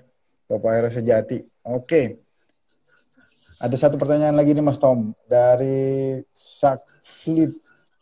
Bang, lagi. kalau mau ikutan downhill bareng IDH gimana Bang? Bang kalau mau ikutan downhill yang pasti daftar dulu kalau ada event. Nah, kalau ada event ya. Aduh. Kita berdoa aja tahun depan coronanya udah lebih bersahabat gitu ya. Udah kayak penyakit belek aja gitu, nggak berbahaya. Jadi kita bisa bikin balapan lagi gitu kan. Jadi kalau mau ikut uh, Indonesian Downhill gitu ya, kita eventnya sementara masih uh, di sekitar Pulau Jawa. Coba teman-teman browsing di www.indonesiandownhill.com gitu ya. Di sana ada informasi tentang event kita di 2019 ke belakang dan juga ada link pendaftaran di sana kalau mau bergabung jadi rider di event-event kita. Iya. Jadi uh, daftarnya online mas. Kalau kalau memang ada event IDH kita daftarnya online, kita tidak menerima daftar on spot dan uh, registrasi di situ dan langsung bakal keluar sendiri uh, pengelompokan uh, masnya masuk di kelas mana gitu ya. Oke, okay, ya, Mas Tom, kita lang lanjut lagi ke pertanyaan berikutnya. Bisa di, uh, dari masih dari Om Juharman juga ini. Bisa dijelaskan nggak Mas Tom untuk teknik-teknik saat jatuh? Wow, ini udah kita udah ngomong body genius nih. Waduh, ini Gaya kalau jatuh. Saya jatuh ini gimana ya? Agak susah juga ceritanya. Jadi kita harus lihat-lihat juga ya tempat jatuh kita itu batu apa bukan gitu ya. Kalau misalnya batu ya kalau bisa sih kita mendarat dengan kaki kita keduanya gitu ya. Kalau enggak ya babak belur juga gitu. Kemudian kalau dulu kita belajar senam lantai gitu ya, ada tiger spring sama tiger roll gitu ya, berguling ke depan gitu ya. Nah itu juga membantu untuk mau apa ya, meneruskan gaya supaya tidak terjadi impact kita kan kalau naik sepeda itu kan punya kecepatan, kita punya velocity gitu ya. Kecepatan relatif kita terhadap trek itu harus dikurangi dengan ngerol kita. Nah, ngeremnya ya pakai badan kita. Jadi, kalaupun harus jatuh ya carilah tempat jatuh yang yang empuk itu. Kalau udah nggak bisa diapa-apain ya udah dilepas aja, buang sepedanya dan mendarat pakai kaki ya. gitu. Jangan jangan mendarat ya. pakai lengan, jangan mendarat pakai pundak. Itu kalau mendarat pakai lengan ya tinggal pilih mau lengan atas atau lengan bawah yang patah. Mendarat pakai pundak ya mau pilih bone atau tulang belikatnya yang patah gitu kan.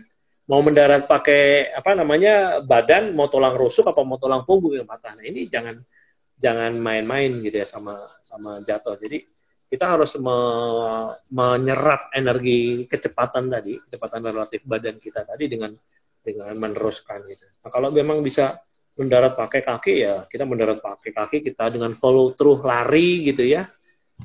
Ya itu itu jauh lebih lebih membantu gitu. Kalau saya sih hmm. balik lagi ngukur lah. Kira-kira nggak bisa nggak usah dikerjain, nggak usah ngedrop, nggak usah terbang-terbang lah, malah cari penyakit mengukur diri sendiri itu lebih baik ya Mas Tom ya. Itu lebih baik. lebih baik. Iya, mencegah lebih baik daripada mengobati, Mas. Benar, benar, benar, benar. Oke, dan itu kembali lagi ke refleks kita ya Mas Mas Tom ya. Betul. Walaupun ada teknik-teknik, balik lagi ke uh, refleks kita sendiri kalau kalau jatuh ya kita harus ada gayanya lah ya Mas Tom ya. Ada gayanya kalau sendiri. jangan kayak jatuh. ini kayak karung, jangan kayak nangka gedebung. ya ya ya ya. Iya, balik lagi mungkin Om Om Joharman dari uh, refleks kita masing-masing ya. Ini teknik-teknik saat jatuh udah dijawab sama Mas Tomo. Iya, ini oh soalnya saat jatuh jarang banget di share. Oh iya iya saat jatuh benar-benar. Kalau kita okay. share nanti nggak ada yang mau ikut IDH Om Jil, jangan udah biarin aja kita simpen. Iya, karena ini olahraga yang berisiko tinggi dan uh, memang harus berlatih dengan baik untuk meminimalisir itu semua ya Mas Tom ya. Oke, iya, ada benar. pertanyaan lagi. Ada pertanyaan lagi. Ah, ini sih Resa Habibi. Mas Tom, tahun ini fix IDH nggak ada serinya ya? Nah, Mas Tom jawab. Nah, aduh, ini yang paling susah juga. Gimana ya, Zah? Kalau misalnya terus kita bikin di gerbek sama BNPB kan nggak enak juga.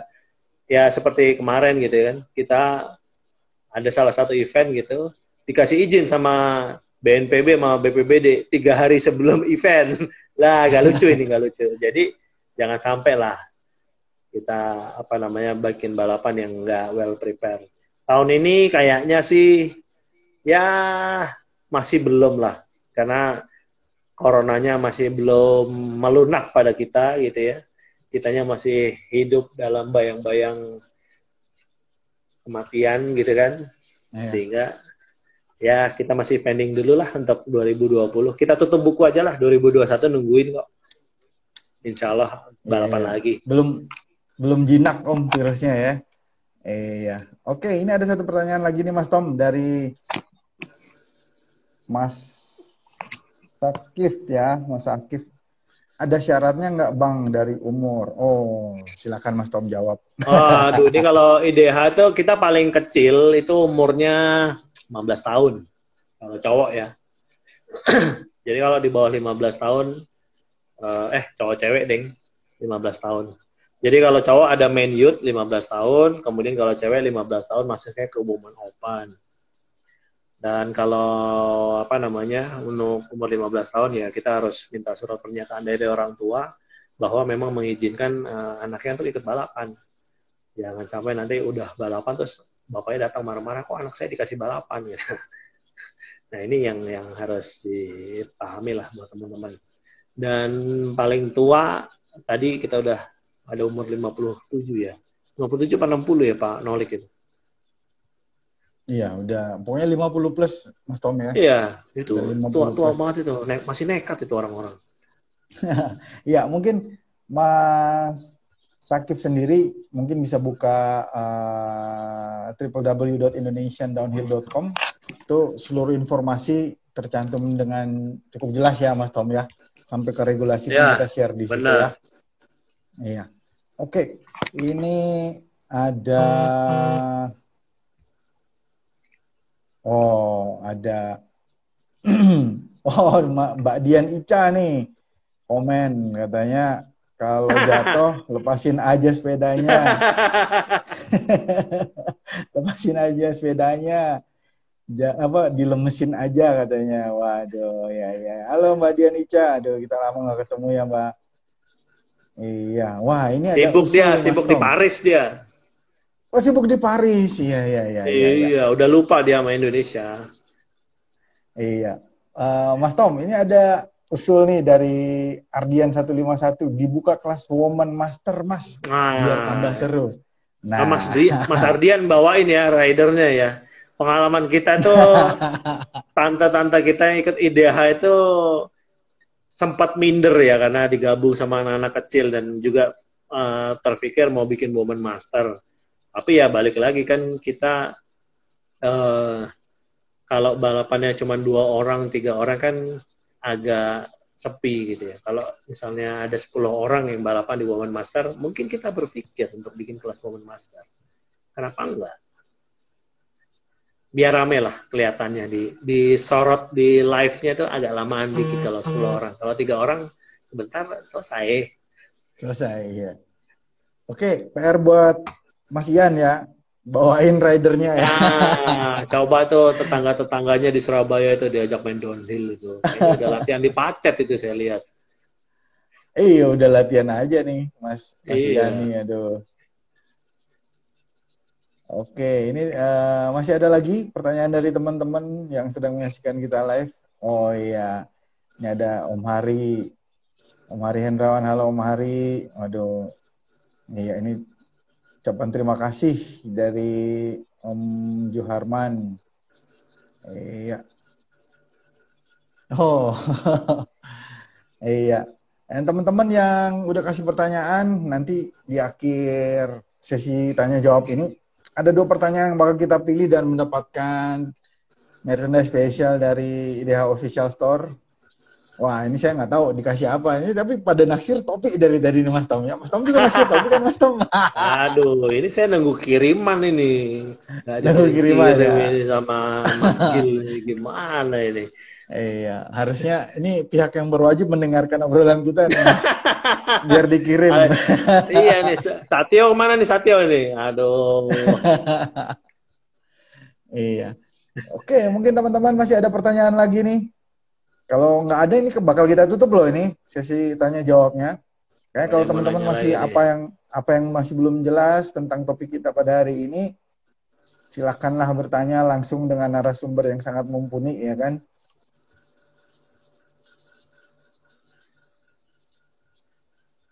Nah ya memang teman-teman ini udah pada kangen sama ide hamil. Iya benar. Ya, saya saya melihat uh, ya banyak yang nanya, Mas balapannya kapan lagi? Aduh mas, ini kita bingung juga. Kita kalau mau balapan pun, saya saya berpikir pun sendiri kalau memang masih ada uh, balapan pun, wow, bakal ribet mas untuk uh, eh, yeah. menyanggupi protokoler itu mas. Karena uh, kalau dari rencana terakhir yang kita buat di 2020 gitu ya, mungkin kita bakal bikin balapannya untuk uh, hmm? Tiap kategorinya harinya beda gitu ya supaya kita tidak punya kerumunan yang banyak di satu hari. Jadi misalnya kalau dulu kita semua finalnya di hari Minggu gitu ya, mungkin nanti kita akan buat balapannya ada finalnya hari Kamis gitu, di hari Minggu. Jadi tapi ya itu balik lagi itu rencana rencana awal gitu ya. Karena sampai sekarang uh, belum ada kepastian untuk lampu hijau si event kita di tahun ini. Iya. Ini pertanyaan masih Oke, banyak Mas Sil nih. Iya, ini baru baru aja baru aja ada nih.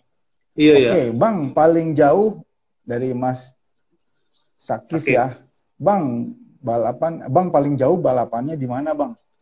Nah, Aduh, ini dia. Jauhnya dari mana nah. gitu ya? Kalau dari Jakarta gitu ya, balapan IDH itu paling jauh ya di Jawa Timur sana, di Malang gitu. Tapi kalau Mas Akif rumahnya di Malang, deket dong gitu ya. Nah ini kita, tapi secara umum IDH itu adanya di Pulau Jawa. Pulau Jawa. Kemudian ya. untuk membuat event di luar Jawa nih Om Juharman, kita ada rencana Om, cuman sponsor kita yang nggak mau. belum ada rencana untuk di luar Jawa dari sponsor kita. Tapi kalau misalnya teman-teman di luar Jawa punya sponsor gitu ya, artinya kita bisa apa namanya ya. sharing untuk operational uh, cost-nya bareng-bareng ya kenapa enggak kita bikin di Malino gitu ya atau Om Joharman bayarin semuanya IDH kita bawa sirkusnya ke sana nggak mahal Om 300 juta aja Om nih Mas Hari nanya nih uh, asuransi Oh iya, Om Harian Rawani. Om, Oke, okay, asuransi, asuransi didapatkan oleh para peserta. Jadi gini, uh, di IDH sudah uh, sejak 2018 gitu ya, mengalihkan asuransi dari asuransi IDH ke asuransi uh, yang dikelola oleh PBIC karena PBIC bekerja sama dengan beberapa pihak yang menanggung uh, asuransi untuk rider sehingga kita tidak lagi mengelola asuransi. Nah, untuk asuransi yang dikelola oleh PBIC itu bekerja sama dengan negara. Jadi dari BPJS Ketenaga Kerjaan, BPJS TK yang berbeda dengan BPJS yang kalau kita dapatkan sebagai karyawan. Jadi asuransi yang diberikan oleh BPJS TK itu khusus untuk uh, atlet uh, eh, PBIC dan coverage-nya itu ditanggung saat lomba maupun di luar lomba selama dalam kegiatan bersepeda.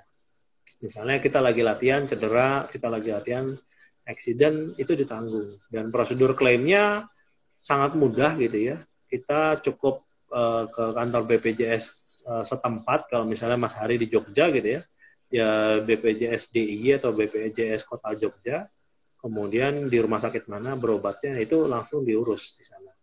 Nggak terlalu ribet lah. Yang sudah-sudah klaimnya sangat mudah. Oke, itu sedikit oh. penjelasan ya Om Hari ya. Ini oh, iya, ada Om. Mas Tri Andang uh, nih. Pertanyaannya nih. Iya, kalau ikut IDH pakai sepeda FR atau free ride boleh nggak? Pakai sepeda nah. cross country juga boleh, Mas.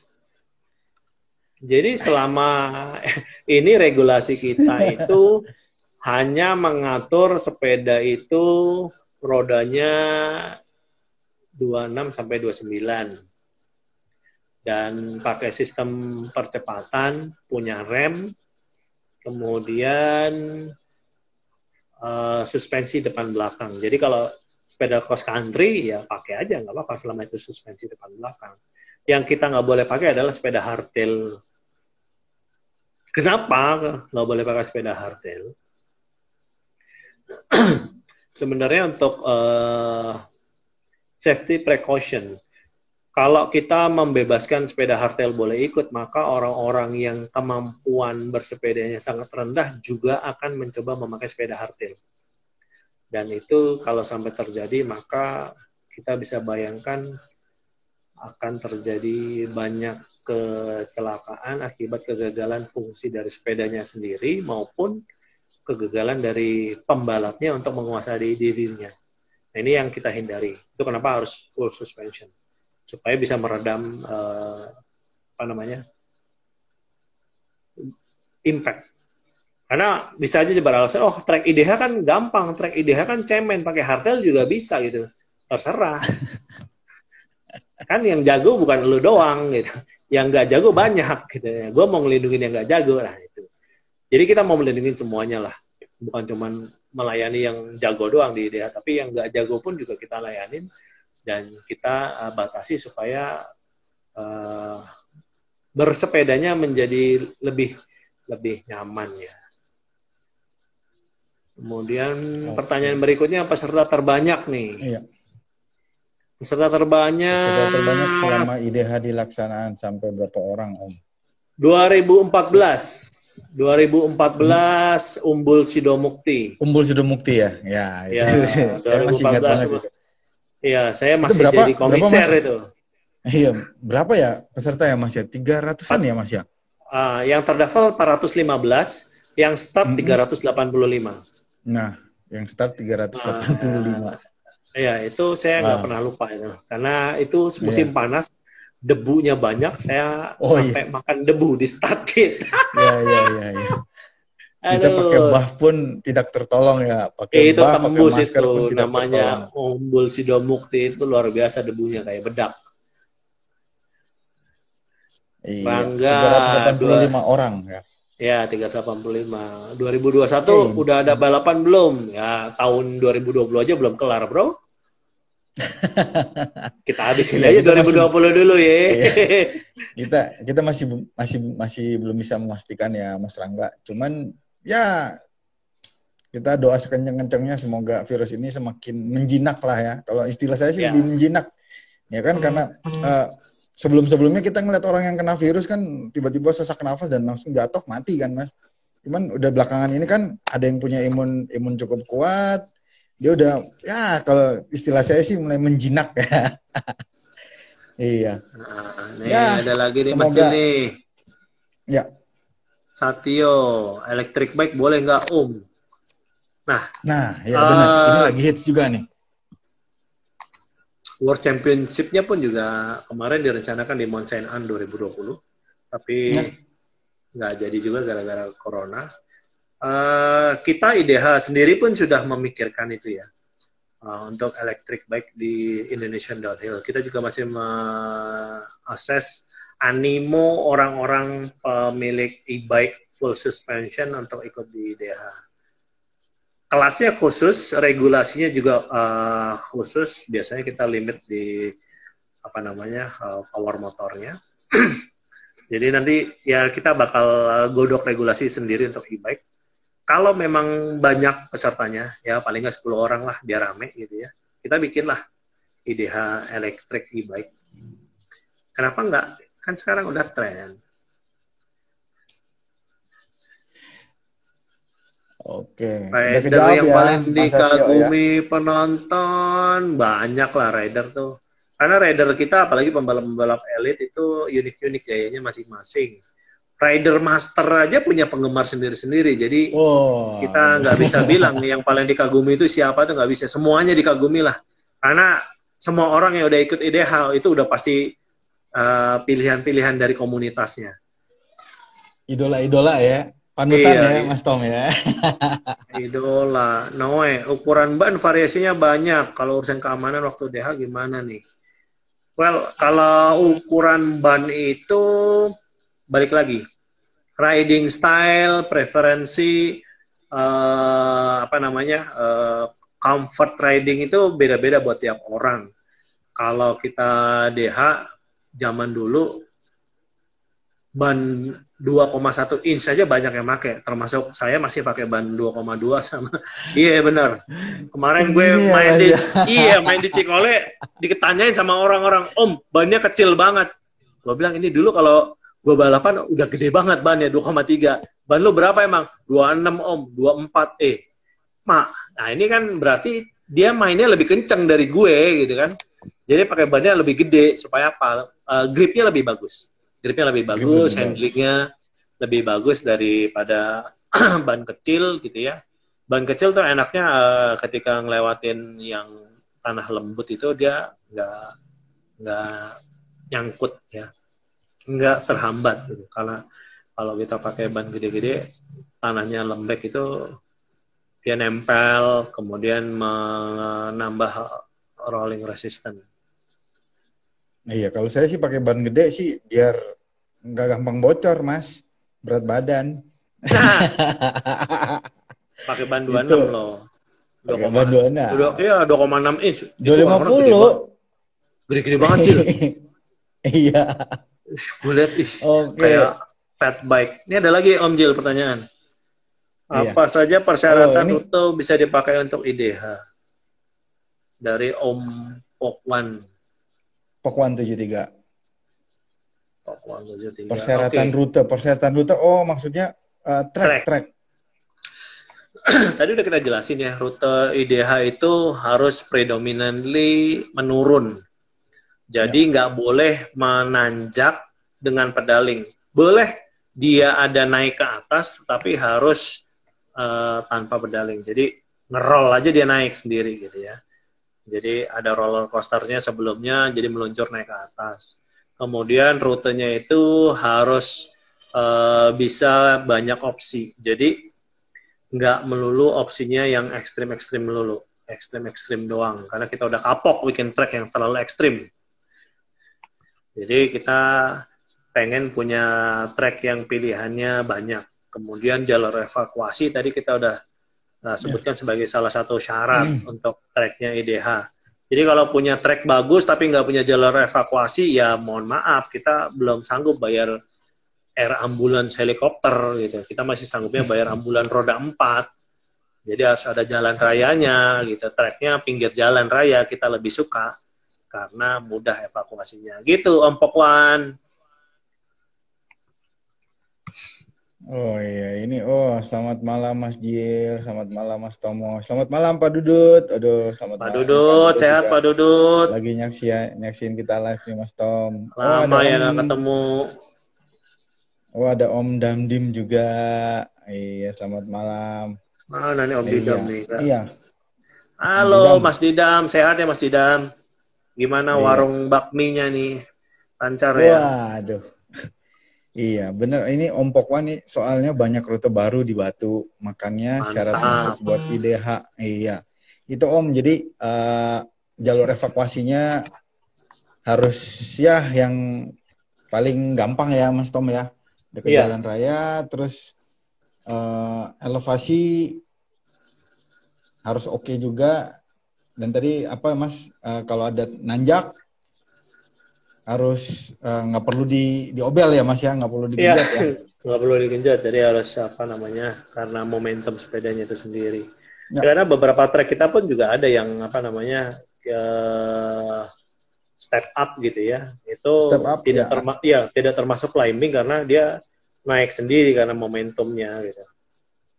Memang uh, topografinya uh, nanjak gitu. Tapi karena dia momentumnya cukup kita buat step up tapi kalau dia harus hmm. climbing pedaling ya itu yang kita ya kita nggak mau lah. Banyak komplain. ya. yang di komplain gue iya. lagi. Iya. Itu, itu pasti dari kelas-kelas master pasti yang iya yang itu. ya kan di komplain. Kelas-kelas guide IDH, gitu yang komplain gitu. Uh -uh. IDH 2021 bikin di Dieng Banjarnegara Om. Uh, nah, kita hampir bikin di Dieng waktu itu. Cuman karena banyak syaratnya itu yang ya yang kita masih mungkin kalau di daerah yang selain cagar budaya mungkin bisa kali ya nanti.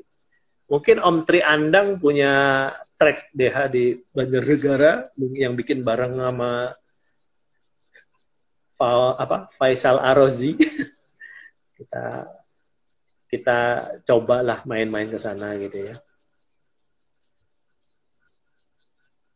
Ada lagi yang nanya oh, nih Om iya. Jin? Nggak ada? Iya, kayaknya udah nggak ada ini. Oh, terima kasih Om. Oh. Kalau nanti ke Batu, kita kenalin rute-rute baru dekat Kelemuk situ. Oke, siap Om Pokwan. Oke, Om Pokwan. Insya Allah kita iya. Teman-teman, masih ada pertanyaan lagi? Kalau masih ada pertanyaan, silakan langsung uh, ketik di kolom komen. Bakal langsung dijawab sama Mas Tomo. Dan bakal dipandu oleh saya ya. Iya. iya. Wah, ini rider yang paling dikagumi. Ini pertanyaannya gokil banget. Om Joharman, rider yang paling dikagumi oleh penonton saat Wah. event siapa? Wah, banyak ya. Semua lah kita kagum lah sama orang-orang. Iya, mereka punya punya punya punya fans masing-masing sih Om Joharman. Iya. Fanbase-nya beda-beda ya, Cil ya. Iya. ada yang senangnya nonton master master ada yang senangnya nonton elit elit gitu kan. Iya ini di Beda -beda. sekitar rumahnya Faisal itu dibikin. Oh Om Triandang oh iya Faisal suruh bikin lah itu.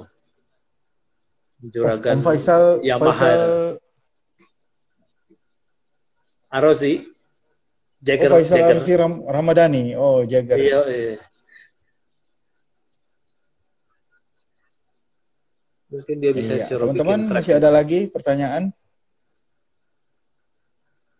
Iya, dan pada pada akhir live ini kita akan pilih dua pertanyaan ya Mas Tom ya. Nanti Mas Tom yang iya.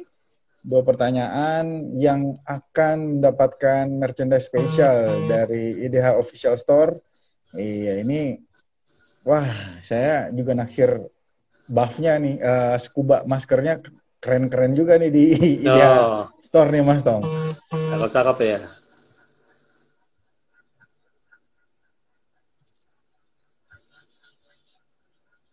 Iya. Oke, udah nggak ada pertanyaan lagi teman-teman iya, yang sedang menyaksikan kita live. Udah habis nih Om Jil, kita tutup mungkin. Iya. Oh, Pak Isa lagi sibuk main PUB. iya, saya udah udah lama ya nggak ketemu sama Om Harian Rawan. Waduh, kita Aduh, mantap jiwa lah. Oke, teman-teman, uh, mungkin bakal sebentar lagi kita akan mengakhiri uh, session talk kita dengan Mas Pratama Setiadi dan ada dua pertanyaan yang nanti bakal uh, dipilih oleh Mas Tomo juga dan bakal kita kita uh, admin kita yang yang bakal hubungin ya. Ya. Oh, bakal kita hubungin uh, siapa aja nih. Mas Tom mungkin boleh pilih dua pertanyaan Oke, untuk saya dua pilih merchandise. buat Mas Sakif sama Om Juharman, Muh Juharman dari nah. Sulawesi nih. Nih wow, memang jauh -jauh antusiasmenya ya. beda nih. Iya, Mas Sakif ya, Mas Sakif dan Om Juharman. Setelah ini uh, mungkin bisa inbox ya. Ya, bisa inbox, kita uh, inbox ke uh, uh. Indonesia dan Iya, inbox ke uh, Instagramnya IDH. Dan selamat untuk Mas Akif dan juga Om Joharman. Uh, ditunggu ya uh, merchandise spesial dari IDH Store. Oke, terima kasih teman-teman semua. Selamat malam. Terima kasih semua. Tentunya kita jaga jaga kesehatan kasih, semua. Iya, terima kasih juga buat Mas Tomo udah ngobrol banyak banget, udah share knowledge uh, sama teman-teman semua pecinta olahraga downhill. Dan kita sampai uh, di penghujung acara pada malam hari ini. Sampai jumpa di live yang berikutnya, tentunya dengan topik yang menarik masih seputar di dunia downhill. Dan terus jaga kesehatan dan jaga imun kalian, tetap berlatih dan jangan lupa untuk selalu support olahraga downhill di Indonesia. Terima kasih teman-teman. Selamat malam. Assalamualaikum warahmatullahi wabarakatuh. Waalaikumsalam. Salam sejahtera buat kita semua. Sehat semuanya. Ya. Bye Mas. Bye Mas.